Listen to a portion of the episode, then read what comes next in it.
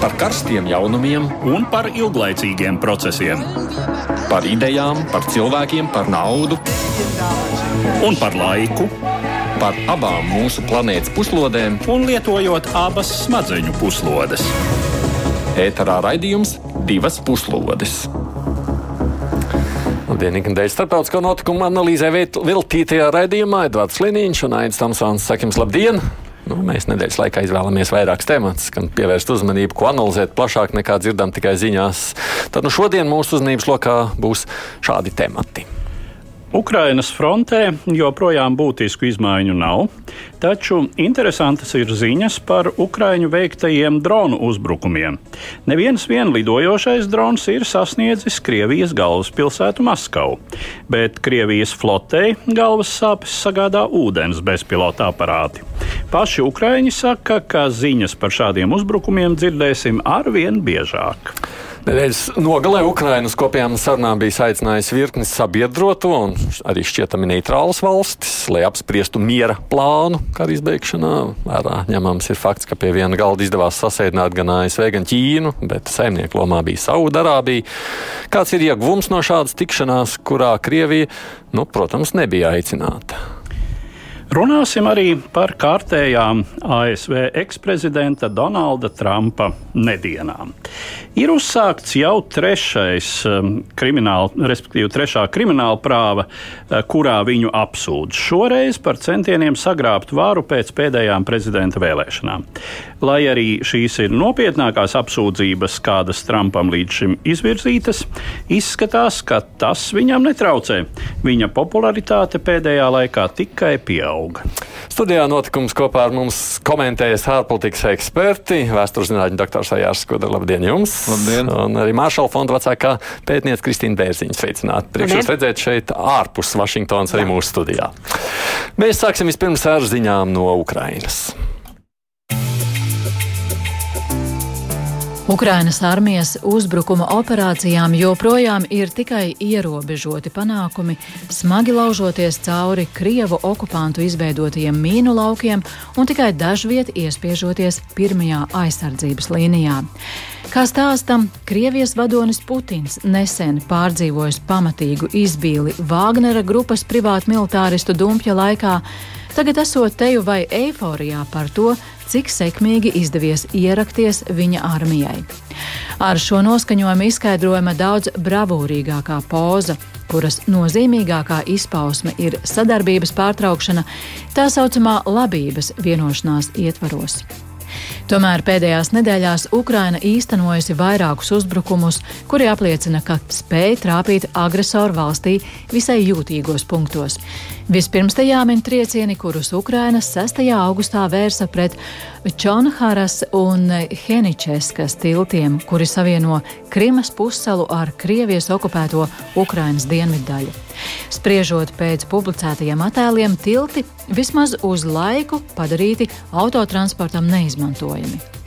Tā kā tā saucamais Krimas tilts, kas savieno okupēto pussalu ar Krievijas teritoriju pāri Kerčas šaurumam, tika atkārtoti bojāts jau pagājušā mēneša vidū, satiksme ar Krimu okupantiem kļūst arvien apgrūtinātāka. Otrs Krievijas bruņoto spēku mērķis pēdējā laikā ir Krievijas kuģi, kuriem uzbruk izmantojot bezpilota peldlīdzekļus jeb ūdens dronus.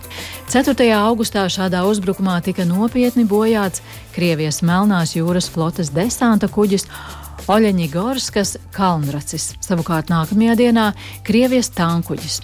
Tomēr visefektīgākais, kaut arī no tīri militārā viedokļa, Visnenozīmīgākais bija atkārtots dronu trieciens vienai no augstceltnēm Maskavas starptautiskajā biznesa centrā, sauktā arī par Moskavas City.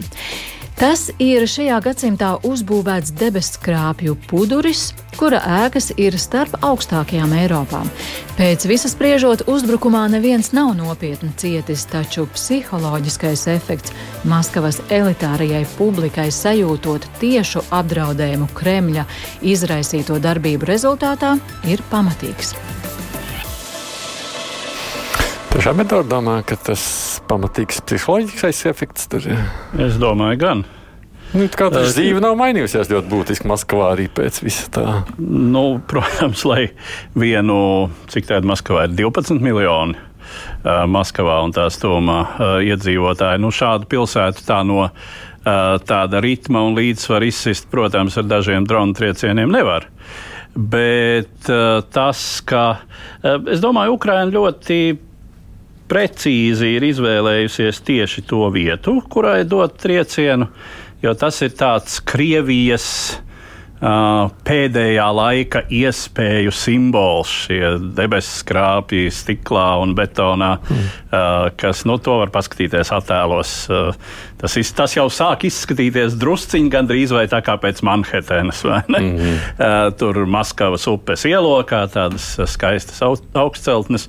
Tur atrodas, starp citu, tā, tieši tajā ēkā atrodas arī uh, valdības uh, biroji. Kāpēc ministrijas iestādes? Jā, jā ministrija, ne, neatceros precīzi, kur ministrija, bet nu, tā tad, un tā kā trāpīts tika atkārtot vienai un tai pašai ēkai.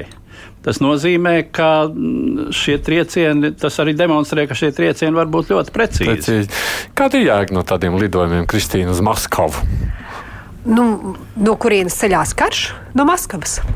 Uh, viena ir fronte, kura ir uh, Ukrainā, bet otra fronte ir politoloģiskā, ideoloģiskā fronte, kuras dēļ karo Ukrainā. Un mm. tā fronte, tā līnija ir Maskavā.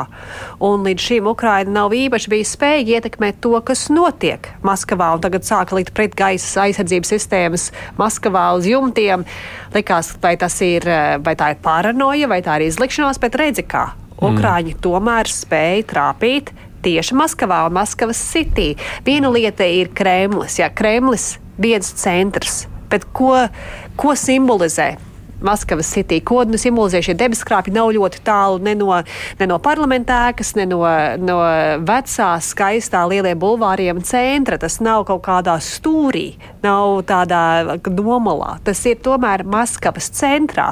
Un ja modernajā nākotnes Maskavā trāpa Ukraina. Nu, tāds, tāds simbolisms tur arī ir ļoti nozīmīgs. Es domāju, ka, ja mēs runājam par to nerakstīto uh, vienošanos, uh, šo te uh, sabiedrisko līgumu starp uh, vadoni Putinu un viņa uh, tā sacīt pavalsniekiem, uh, tad uh, nesodītība tāda nesodāmība par visu to, kas notiek Ukrajinā, tā ir būtiska šīs izjūtas sastāvdaļa. Ka mēs darām ar Ukrāņiem visbriesmīgākās lietas. Mēs apšaudām ar raķetēm Kijevu, citas pilsētas, ziemas laikā graujam apsild, ap, apkuras sistēmas, energoapgādi un tā tālāk. Un tā tālāk. Un mums par to nekas nebūs. Nu, jā, bet redzi, man liekas, ka grūti salīdzināt Ukrainas uh, nu, postījumus un Maskavā tur dažs izcils logs. Nav tās, Kudrškungs? Nu, es, es piekrītu, protams, ka tiem drona lidojumiem nevar zināt vēl no kurienes viņi īsti lido. Nu, pieņemsim, ka viņi lido no Ukrainas teritorijas līdz Maskavai, kas nu nav briesmīgi tālu, ja mēs atkal no Ukrainas ziemeļaustrumu teritorijām to mēram. Ir pagaidām politisks, psiholoģiska mm. nozīme, nekādas militāras, strateģiskas un vēl citādas nozīmes nav, izņemot vienīgi no bojā Putina un viņa Kremļa komandas tēla starptautisko. Tas, tas visnotaļ. Un, protams, nu, jautājums arī par uh, pretgaisa aizsardzību, ja pretraķiešu aizsardzības uh, sistēmu pie Maskavas, cik viņi tur efektīvi vai neefektīvi. Uh, tas ir viens aspekts. Otrs aspekts, te jāņem vērā, ka, ja runājam par tiem uh, Melnās jūras droniem, ko Ukraiņi izmanto peldošajiem, Jā. kas var, kā raksta, var peldēt gan zem ūdens, gan virs ūdens. Viņi ir izmantoti arī slavenajā tajā Kerčs tilta graušanā jūlijā. Tas prieks ir dārgs. Pēc Ukrāņu pašu publicētajiem datiem es varu atsaukties te uz tātad rietumos publicētajiem šiem cipariem. Viens tāds drons maksā 250 tūkstoši dolāru. Mm. Tā kā vārdu sakot, protams, ka viņi tiks izmantoti, bet paši ukrāņi atzīstot, ka viņi esot pagaidām eksperimentālo izmēģinājumu stadijā. Mm. Jā, tikai jāņem vērā, ka ja labi trāpa, tad ar vienu šādu dronu var izsist no ierindas kara kuģi, kas maksā vairākus desmitus, ja ne vairākus simtus miljonu dolāru. Bet tas ir kaut kas jauns, nu, tādā ziņā, ja, nu, ja mēs skatāmies. Nu, jā, tādā militārajā tehnoloģijā. Nu, respektīvi, cik jauna ideja par to, ka kaut ko tādu varētu darīt, pastāv jau kopš 18. gadsimta. Jā, ja ideja ir žilā vērnam noteikti. Ne, tikai toreiz cilvēciņu sēdināja nabadziņu iekšā. jā, jā Kristīna. Šeit ir daži kādi droni jautājums. Ja, pirmkārt, šie ir Ukrainas pašas droni. Ukraina, Ukrainas ražoti. Ukraina, Ukrainas ražoti, tāpēc, ka Ukraina nedrīkst pielietot mm. uh, rietumu tehnoloģiju Krievijas teritorijā. Mm. Un to tad uh, spridzināt tiltus vai uh, mēģināt gremdēt kuģus vai graut augstceltnes Maskavā ar citu tehniku nebūtu iespējams. Un rāda šī gadījumā Ukrainas pašas spējas attīstīt jaunas tehnoloģijas un arī e, censties izvairīties no, no elektroniskā kara. Tas ir tā, kā, kādā veidā ietekmē lidojumu, kā Ukraina. Ukrainā e, inženieri, Ukrainā kara spēki cenšas attīstīt jaunākās tehnoloģijas paši, lai paši varētu pielietot bez ierobežojumiem savu tehniku pret Krieviju. Un tas dod Ukrainai lielāku rīcības brīvību nekā gan jebkurā citā laukā. Tāpēc, ka citur, kura tehnoloģija, kurš spēj viņu izmantot, ar ko tur kur ir rezerves daļas, tur ir jābūt lielai atkarībai no citiem. Bet dronu jautājumā mm. i, Ukraina ir tieši savā ziņā parāda piemēru visiem pārējiem pasaulē, kā tas varētu izskatīties. Kāds ir mūsdienu kars? Karš tas ir ar lētiem, jo labi. Ceturdaļa mil, miljons. Tas nav pavisam lēti. Bija salīdzina ar kaut kādu ar, ar ASV milzīgiem iepriekšējiem droniem, nu, kuri tika pielietoti kas Jā. arī maksā vairākus miljonus. Jā, mēs nesavācām naudu Latvijā. Bet nu, pēdiņās lētie droni un dronu daudzums. Ja, tas, ka arī runa par tūkstošiem un tūkstošiem ikdienā, kas eh, skatās, kas notiek no novērošanas, izlūk, un arī tagad mm. Eh, ar, ar raķetēm un ar ieročiem, tādi droni. Mainās tā telpa no vienas puses, notiek izrakumi tāpat kā notika pirms simtiem gadu. Tā tehnoloģija nav mainījusies, bet no gaisā ir pavisam cita spēle. Bet reiz mēs gaisā vēl kaut kā mācām. Nu, man liekas, pasaulē īpaši skatoties, kā pat Krievija ir iemācījusies pēdējos mēnešos, nu, to, ko viņi nevarēja atcerēties. Bairакtārs sākumā likās neuzveicams, ātri pielāgojās, kā to lietu tikt galā vai nē. Nu, Krievija iemācās izmantot tāpat tehnoloģijas, lai tām stātos pretī. Tad šobrīd šie ūdens es saprotu, droni tur, tur vēl jāiemācās. Gan viņas nu, ir tā, lietot, ka, protams, šie, šie droni. Uh, nav, nekas, nav nekāds nepārvarams superierocis, un parasti tā tehnoloģija, starp citu, ir tāda, ka uzbrukumā, nu, cik es par to zinu, uh, uzbrukumā tiek sūtīti vairāki droni ar aprēķinu, kā uh, iespējams pat lielākā daļa no tiem tiks pārtverta, jo viņi ir, viņi ir saskatāmi gan ar radiolokāciju, un galu galā arī vizuāli, kāpēc arī uzbrukumi notiek naktī. Mm -hmm. Tāpēc, ka arī vizuāli, protams, no šiem kuģiem viņi ir redzami, tāpat kā klasiskā torpēda ir redzama, un kuģis var paspēt izvairīties. Eh, nu, attiecīgi, eh, tas nav nekāds brīnumierocis, eh, bet, nu, kā mēs redzam, ar prasmīgu vadību. Nu, un... Plus vēl jāpielāgojas atkal jaunajiem kara apstākļiem visu laiku, vai ne? Kaut kas jauns nāk iekšā tajā visā. Bet cik liela tam visam varētu būt ietekme tīri militāri?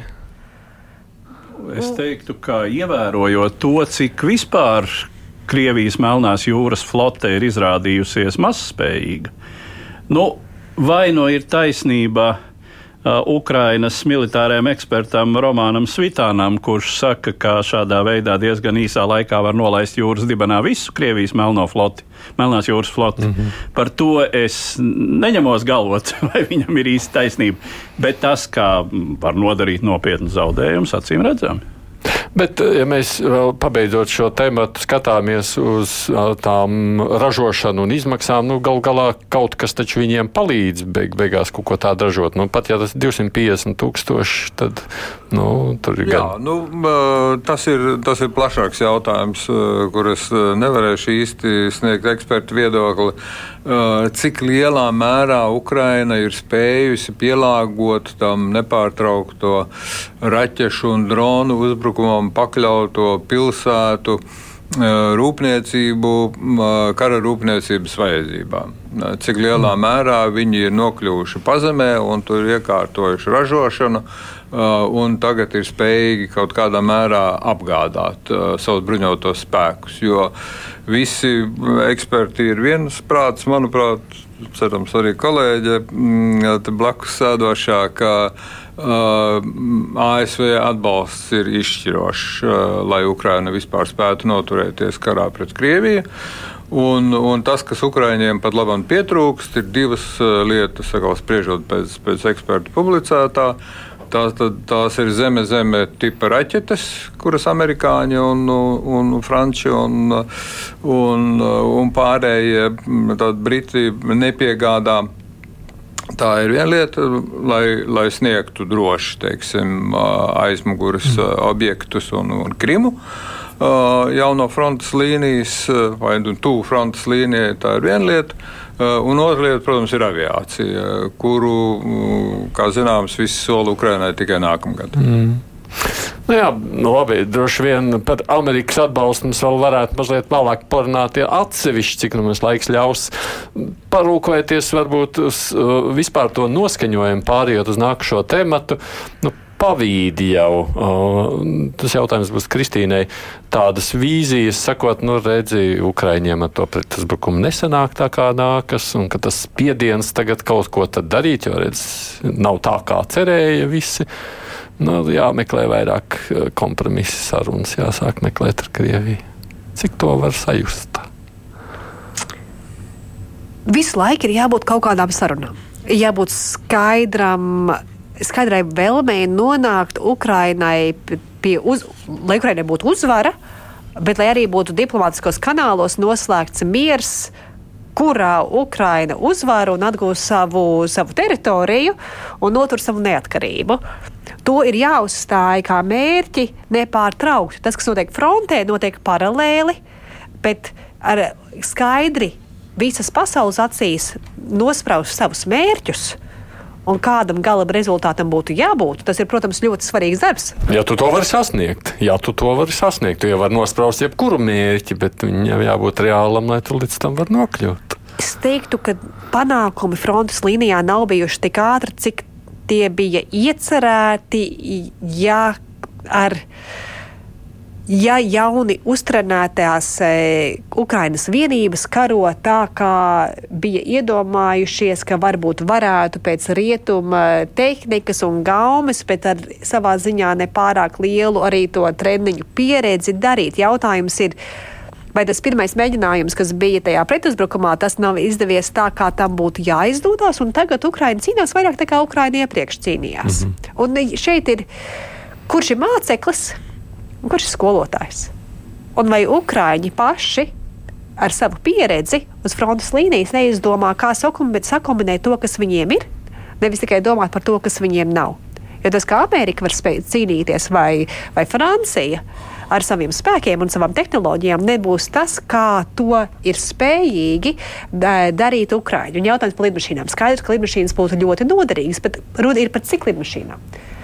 Un cik liels būtu, piemēram, Krievijas pārsvars gaisā vēl joprojām, ja sākiet runāt par, par, par, par cīņām gaisā, Krievija īsti nav izmantojusi savas lidmašīnas Ukraiņas konfliktā. Ja?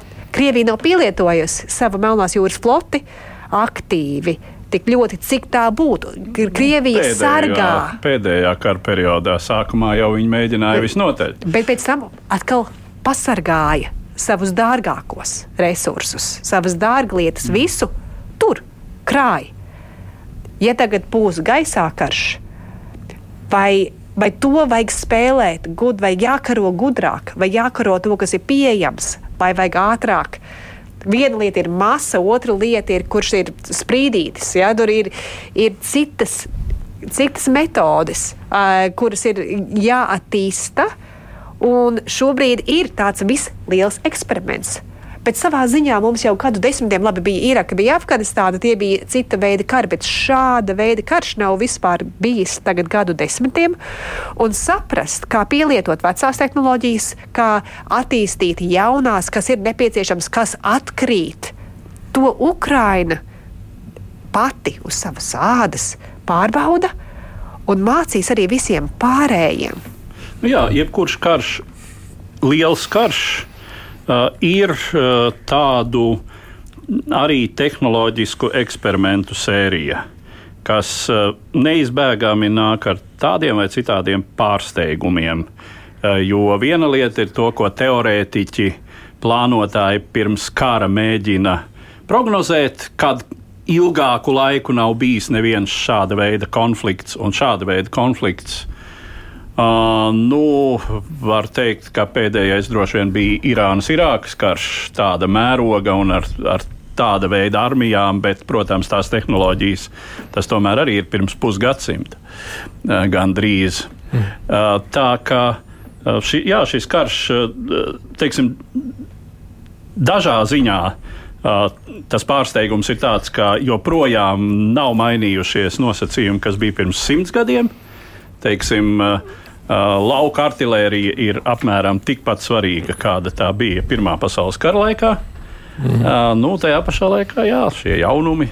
Uh, lūk, bezpilota lidaparāti visdažādākie. Nu, mēs te pieminējām arī diplomātiju.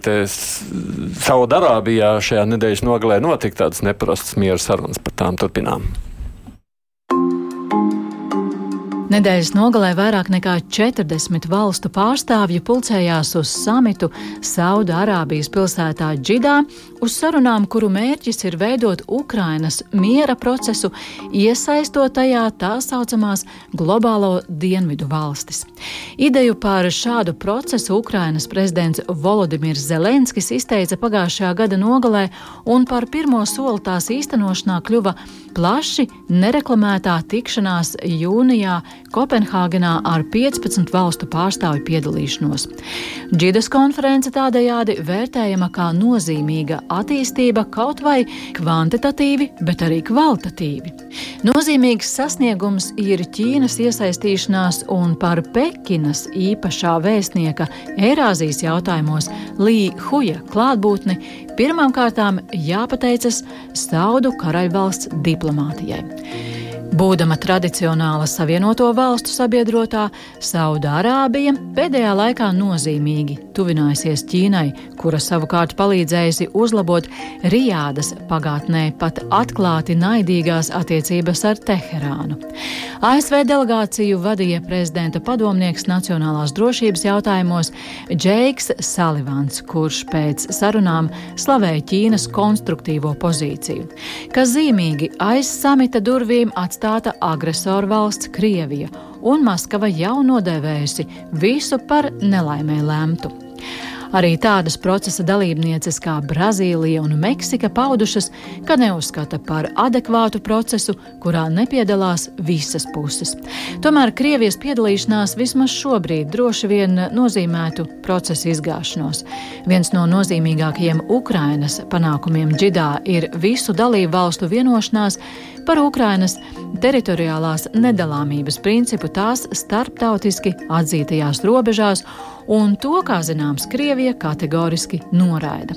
Tāpat šobrīd nav praktiski nekādu cerību, ka Kremli varētu piedabūt vismaz runāt par prezidenta Zelenska desmit punktu miera plānu, kas ietver cita starpā arī starptautiska tribunāla izveidi kara noziedznieku sodīšanai un uz Krieviju pretlikumīgi izvesto Ukrainas bērnu atgriešanos dzimtenē.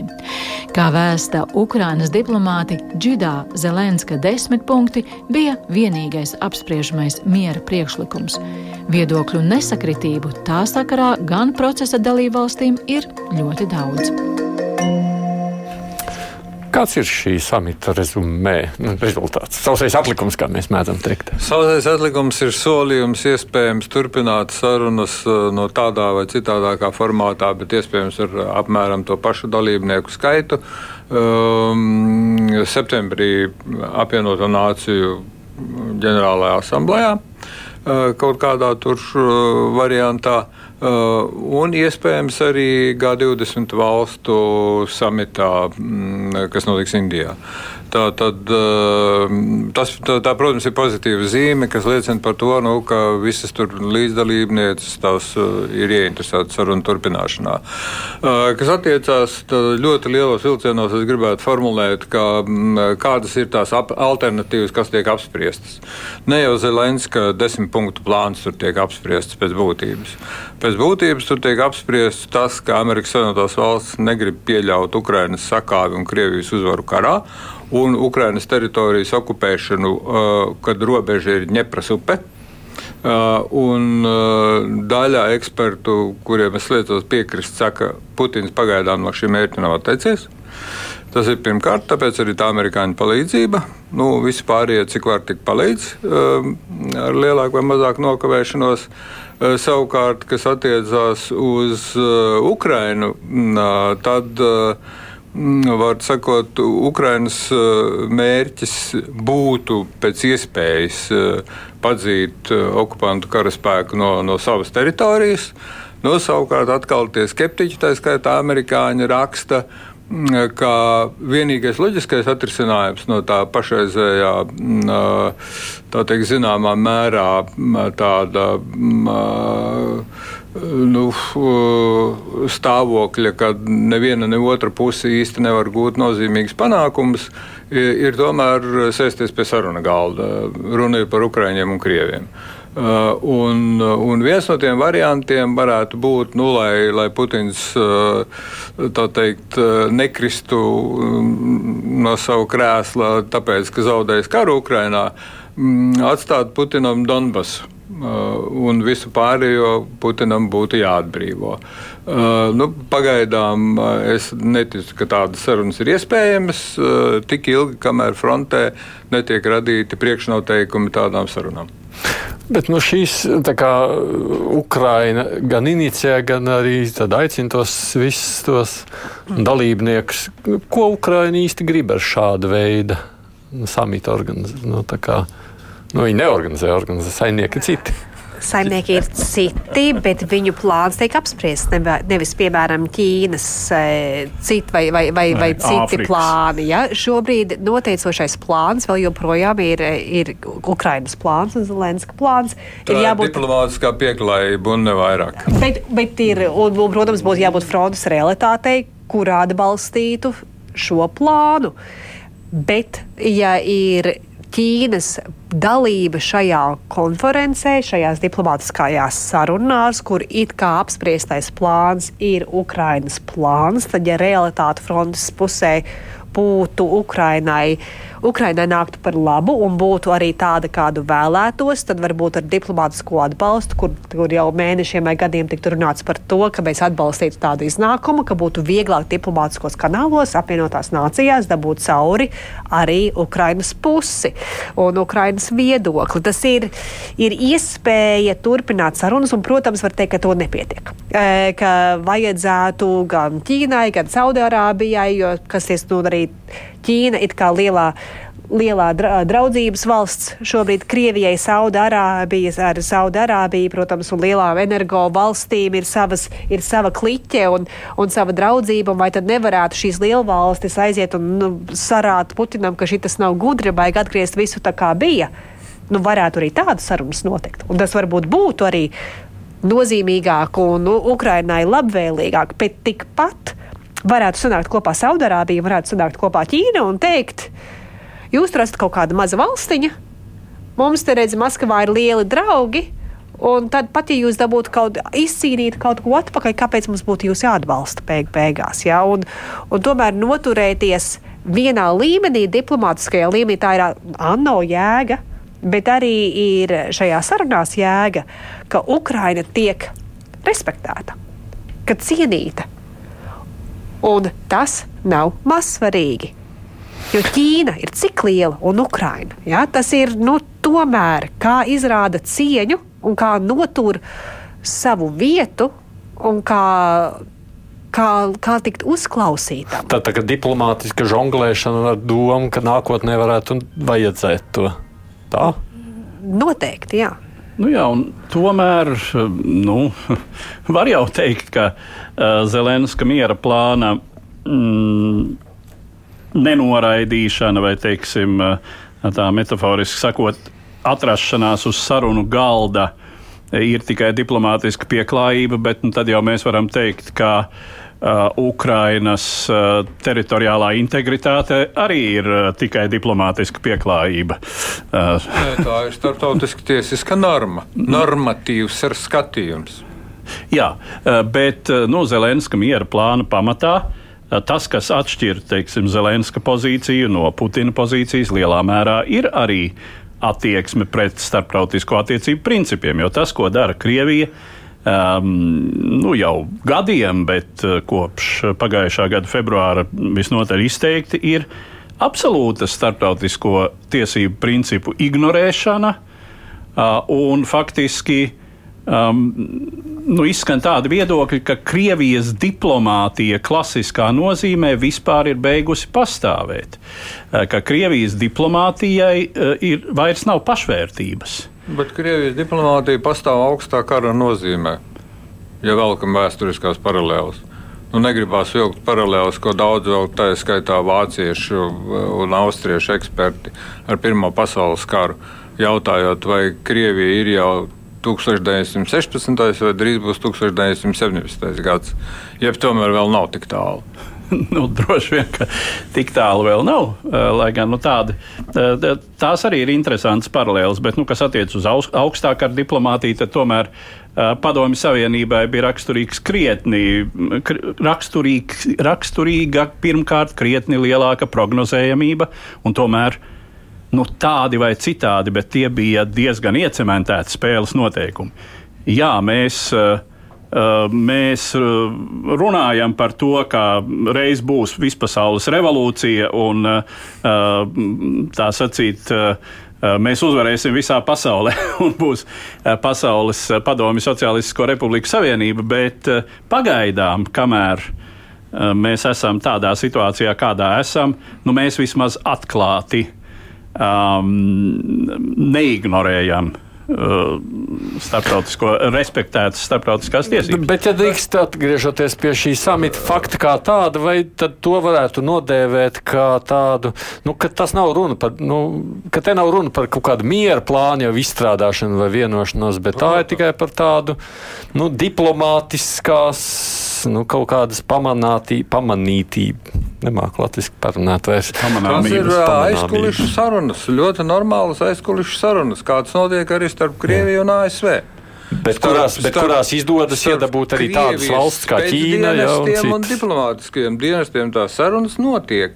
Tā ir skaitā neoficiāli. Un šis bija viens variants, ņemot vērā faktu, ka 60% pasaules valstu, tagad es atsaukšos uz Blinkenkungu, Tāda valsts sekretāra 60% pasaules valstu atbalsta ASV un rietumu politiku Ukrajinā, un 40% ir neitrāli attiecībā vai atbalstoši attiecībā pret Krieviju. Mm. 40%. Nu, Jā, tā tad līdz ar to tā. Ir skaidrs, sakot, ka šajās aizkulisku sarunās nu, nav cita varianta, kā meklēt risinājumu sarunu ceļā. Jautājums ir tikai, kad un kā un ar kādiem līdzekļiem. Nu, viens no līdzekļiem, kā ietekmēt Krieviju, ir šīs uh, konferences. Jā, uh, tomēr tas, kas parādās teiksim, visā šajā procesā, domāju, ir, ka lielum, lielajam vairumam, katrā ziņā ietekmīgo pasaules valstu, uh, tāda mm, attiecību sistēma un attiecību kārtošana, kādu šobrīd mēģina īsteno, īstenot Krievija, pēc būtības tomēr nav izdevīga. Uh, ja uh, nu, tai pašai Ķīnai stingri ņemot, uh, deklarēt, ka nu, teiksim, valstu starptautiski atzītās robežas ir piedodiet, atļaušos citēt, diplomātiska pieklājība un ne vairāk. Uh, tad uh, nu, pašai Ķī, pat, pat Ķīna nonāk ļoti problemātiskā situācijā ar to pašu Taivānu kas starptautisku tiesību aspektā ir Ķīnas sastāvdaļa. Nu, tikai atdalījusies, atkritusi, pagaidām citā statusā un tā tālāk. Uh, bet, uh, nu, teiksim, ja no, no šī viedokļa Ķīnai nav izdevīgi atzīt, ka piemēram Donbass vai Krima vai Helsonas un uh, Mikolājevas apgabali varētu sarīkot referendumus, tur varētu sarīkot referendumus par pāriešanu Krievijas sastāvā. Nu, septembrī tur būs vietējo pašvaldību vēlēšanas, kurā kandidēs tikai vienotās Krievijas pārstāvi. Visās četrās - Luhanska, Doņetska, Hersona un Zaporiža. Jā, septembrī. Zaparīža. Nu, nu, jā, jā. Jautājums, kā, kā uz to raugās pārējās, pārējās pasaules, skatoties tikai ja pieminot vēl to Ķīnu, bet ejam uz Ameriku tūlīt. Pieminot to Ķīnu, no Ķīnai. Tas jautājums, vai Ķīna piedalīsies tajā sarunās, man liekas, tur šlaik bija atklāts līdz pat pēdējiem. Tas, ka viņi beigās piedalījās, tā ir nu, tā kā laba zīme Ukrainai. Tā ir laba zīme Ukrainai. Tāpēc... Labāk Amerikai. Vēl labāk Amerikai? nu, protams, viņiem bija speciāla tikšanās ar Salivanu un Nulandu. Jā, un? Un, nu, parunājās par to, kādu pasaules kārtību jāveido Eiropā. Nu, nevar teikt, ka tas ir Eiropas. Liekas, ka viņiem savstarpēji daudz lielākas uh, problēmas un lielāki jautājumi nekā kādi ir Eiropas jautājumi. Protams, protams, bet, uh, ka, bet, ja Ķīna nepiedalītos, ja Ķīna būtu ārpus un Krievija ir ārpus, tas rada to, ka abas divas uh, šīs lielās valstis atdalās no starptautiskās sistēmas. Un, protams, no starptautiskās sistēmas tā tieši tas, ka ir tiesiskums, ka ir valstu e, teritoriālās drošība un pastāvēšana, tas ir Ķīnas interesēs Taivānas jautājumā. Un Ķīna cenšas no abām pusēm spēlēt to, izmantot starptautiskās normas, organizācijas, ANO un tam līdzīgi savās interesēs, cik vien iespējams. Un nostāties ārpus nav Ķīnas interesēs. Izdomāt, kā no iekšas pārveidot, izmantot, uh, sagrozīt tā, lai Ķīnai pašai vienmēr būtu labāk, ir primārā interese Ķīnai. Un, un tādēļ arī piedalās un, un sēž pie tā galda. Varbūt nav līdz galam arī izdomāts, kāds rezultāts būtu Ķīnas interesēs Ukrainā. Un jo lielāks, jo ilgāk tas ir atvērts jautājums, vai tas tomēr nebūtu Ķīnas interesēs, ka Ukraina atgriežas bijušajā uh, skatījumā, bija ar bijušajām robežām, esošajām šobrīd tiesiskām robežām. Uh, ja tas būtu Ķīnas interesēs, Tas būtu Ukraiņas interesēs. Tas būtu, tas būtu burvīgi, jo, jo, jo Krievija to negrib. Ja? Tas, tur katra valsts ir draudzības, bet ar nosacījumiem un attiecīgās situācijās. Nu, tas, kas interesēs, varētu būt Korejas risinājums.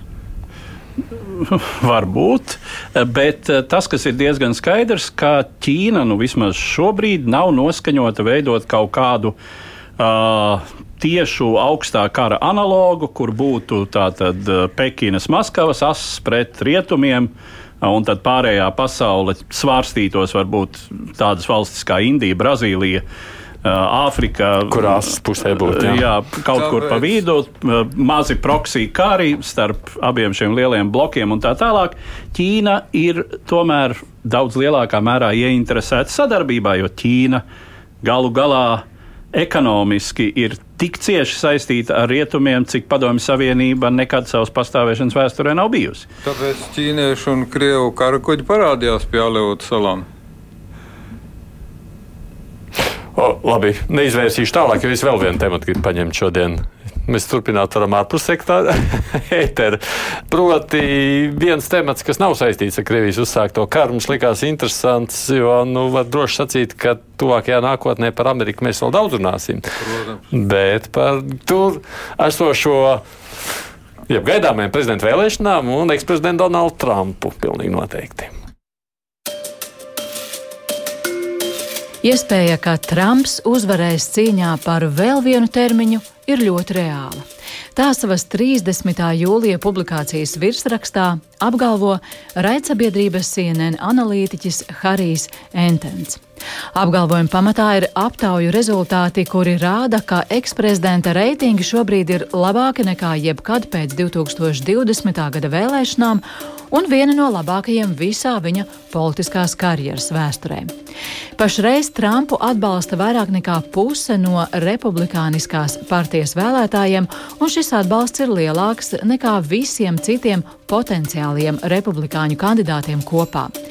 Viņa spēcīgākā konkurenta Floridas gubernatora Rona DeSantisa reitings tikmēr rāda lejupslīdošu tendenci. Šī situācija gan var nešķist īpaši pārsteidzoša, zinot, ka nu jau apmēram deviņus gadus Trumps ir nemainīgi populārākais republikāņu politiķis. Tas, kas daudziem var šķist teju šokējoši, ir, ka šobrīd viņš reitingu ziņā ir praktiski panācis pašreizējo prezidentu Džo Baidenu. Kā zināms, kopš šī gada aprīļa Donalds Trumps ir pirmais prezidents vai eksprezidents Savienoto valstu vēsturē, kuram uzrādīta krimināla apsūdzība. Un neviena viena, bet veselas trīs.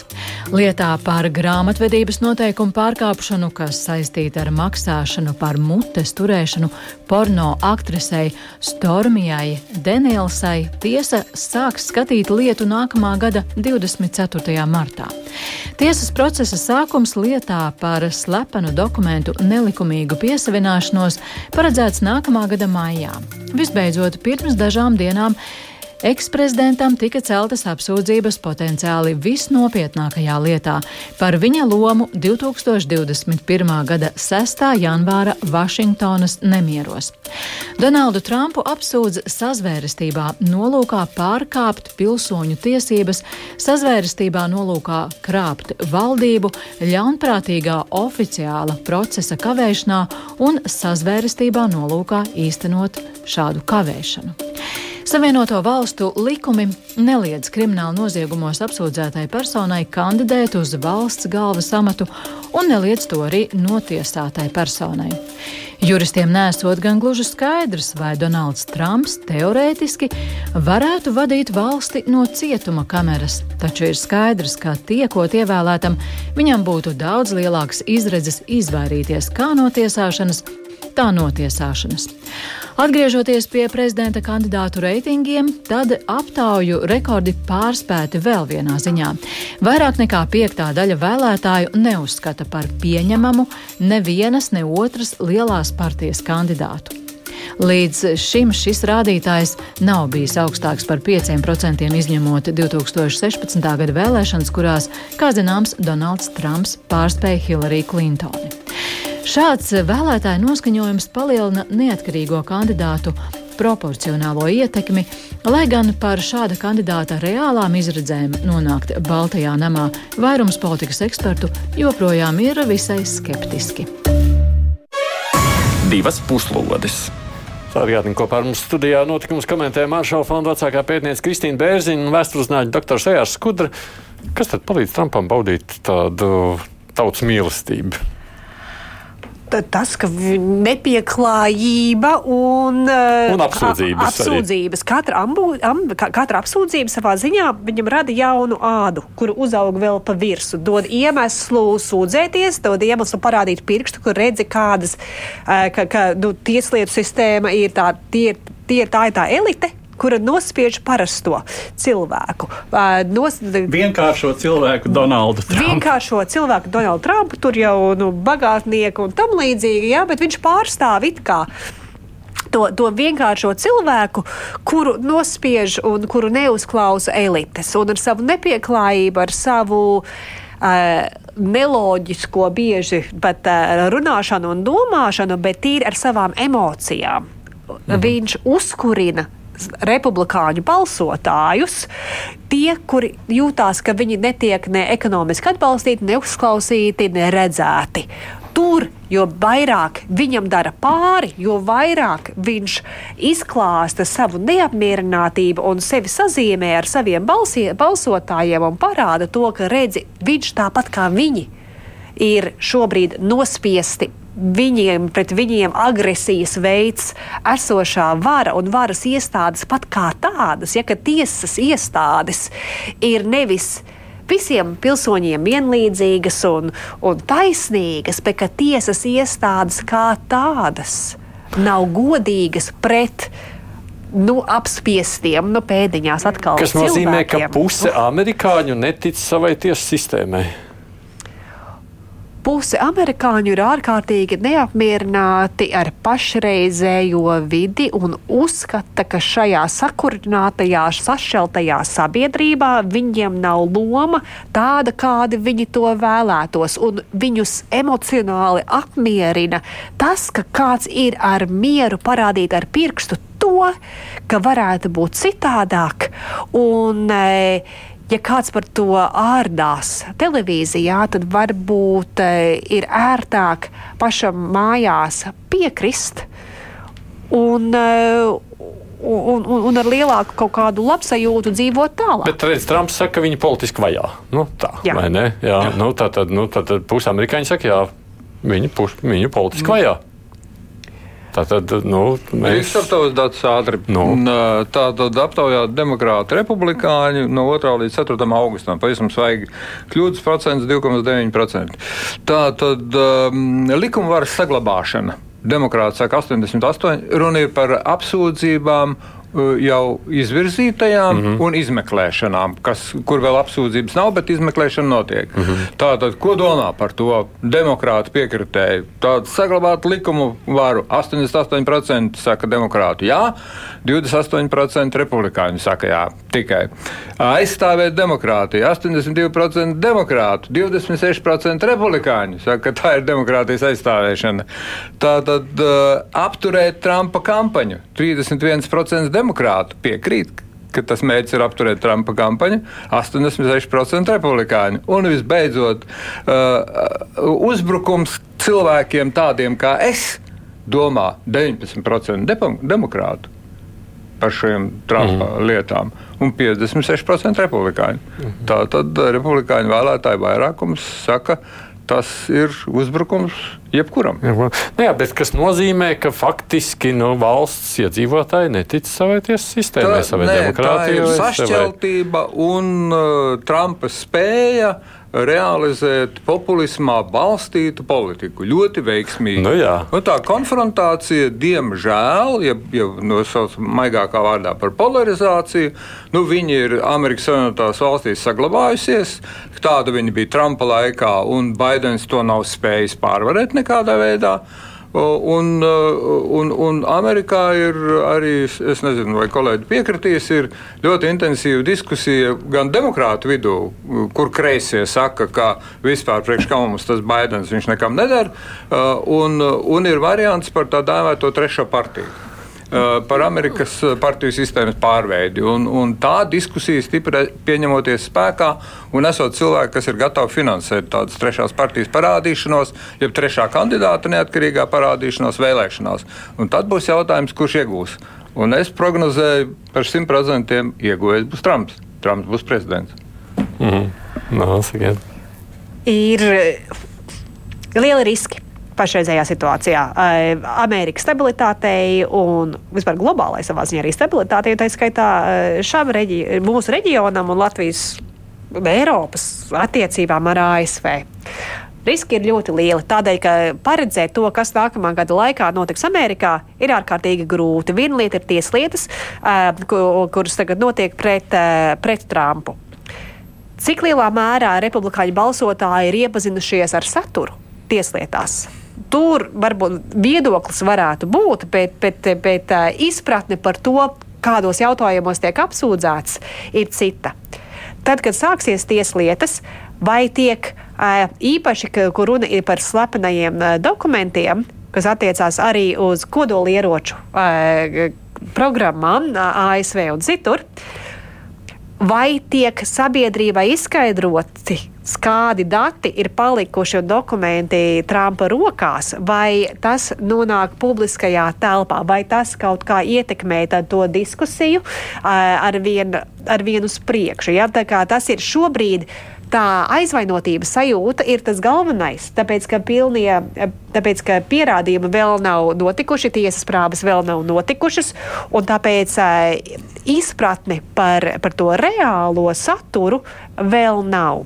Kas notika ja- 6. janvāra ko- komisijā, tā bija komisija, kura notika uh, kongresā, kur parādīja to ar video liecībām un citādāk, un arī tika televīzijā rādītas tās filmas un tam līdzīgi labāk izskaidroja nekā jebkad iepriekš, kas reāli notiek un kā tikt apakaļ pie kaut kādas praktiskās faktu bāzes. Tur tas būs ne, nenormāli, ļoti liels izaicinājums Amerikā, bet ar vienu pēc dažiem mēnešiem, man liekas, vairāk faktu būs pieejami ar visiem balsotājiem nekā šobrīd tas ir. Kas notiek pārējā vēlēšanu sistēmā arī ir kaut kas pavisam cits. Jā, ir liela iespēja, jo ir liela neapmierinātība abās pusēs.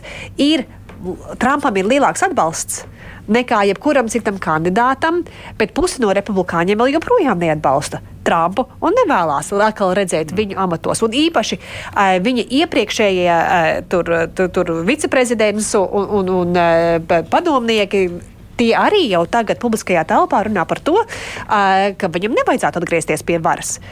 Un, Tad ir kā savā starpā tagad republikāņi e, sadalīs iespējamos amatus, vai varu, vai ietekmi, kādā, vai, vai sanāks kopā it kā pret Trumpu vai atbalstīs kaut kādā brīdī Trumpu, tas nav skaidrs. Ja ir trešais partijas kandidāts, vai tas ir republikānis, tāpēc ka republikāņiem ir uh, tādi centriski, Reigana Buša veidīgi republikāņi, vai labajā vai, vai kreisajā spārnā, demokrāta pusē arī nenotiek kaut kāda sašķelšanās. Tāpēc, ka centrs principā Amerikā nav. Amerikā ir divu partiju sistēma. Mēs te Latvijā saprotam, ir daudzas partijas, notiek vēlēšanas, ir partijām platformas, un visiem beig beigās jāapsēžās pie galda un jānolem, ko mēs kopā darīsim. Nevienam nav uh, 50%, un tad jābūt sarunām, kur sakarīgi nolemj, šīs būs mūsu valsts prioritātes, un šo mēs izbīdīsim cauri. Amerikā ir divas partijas. Par partijas kandidātiem nevis balso visi, bet partijas biedri vai tie, kas ir reģistrējušies partiju sarakstos. Tas nozīmē, ka ekstrēmās puses, ekstrēma labā un ekstrēma kreisā, bieži izceļas priekšvēlēšanu laikā.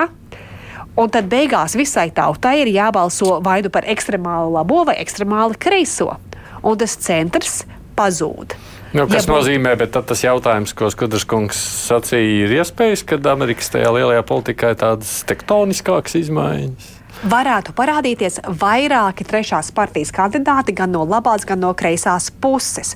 Ko tas nozīmē, ja nav tikai viens, bet ir vairāki trešās partijas kandidāti? Man liekas, ka tas demokrātiem būtu arī es piekrītu, iespējams, ka visļaunāk. Jo tad, ja ir kāds, kas ja 30% atbalsta, atbalsta Baidenu, 30% atbalsta divus vai trīs trešās partijas kandidātus un 40% atbalsta Trumpu, nu tad tas ir Trumpa interesēs. Bet Amerikā nav pēc tieši tīrā balsu skaita arī nenotiek vēlēšanas. Tāpēc, ka katram, katrai pavalstī, katram štatam ir jāievēl savu kandidātu, Nē. un tad kurš ir populārāks, kurā štatā un kāda tur beigās tā virtuve izveidojās, to ir ārkārtīgi grūti paredzēt.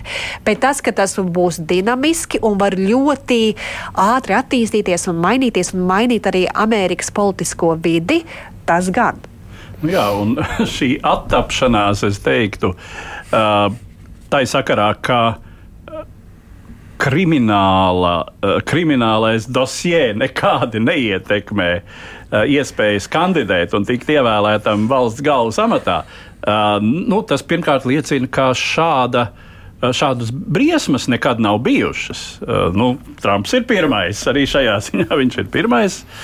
Un, eh, un, nu, tas, eh, tas, protams, arī liecina, ka kāda ir Savienoto Valstu politikas inerce. Šobrīd nu, mēs jau par tevi, Edvards, vēl daudz parunāsim par Donaldu Trumpu un vēlēšanām nākamajā gadā. Tas nu ir skaidrs, bet saku paldies jums pārējiem, kas piedalījāties. Kristīna Bērziņa dosies atpakaļ uz Vašingtonu. Paldies Jā. par iespēju arī šeit Latvijā ciemojoties, atnākt pie mums uz Latvijas raidījā viens studiju. Un Ejārs Skudra, vēstures zinātņu doktors, paldies jums abiem par līdzdalību šeit. Studijā kā vienmēr bijām mēs, Edvards Liniņš, Naidis Tomsons, producēja raidījumu Evi Junām. Nu, Tiekamies atkal ētrā, mēs pēc nedēļas sekojam līdz visam, kas aktuāls, analizējam un spriežam šeit uz sadzirdēšanos. Divas puslodes!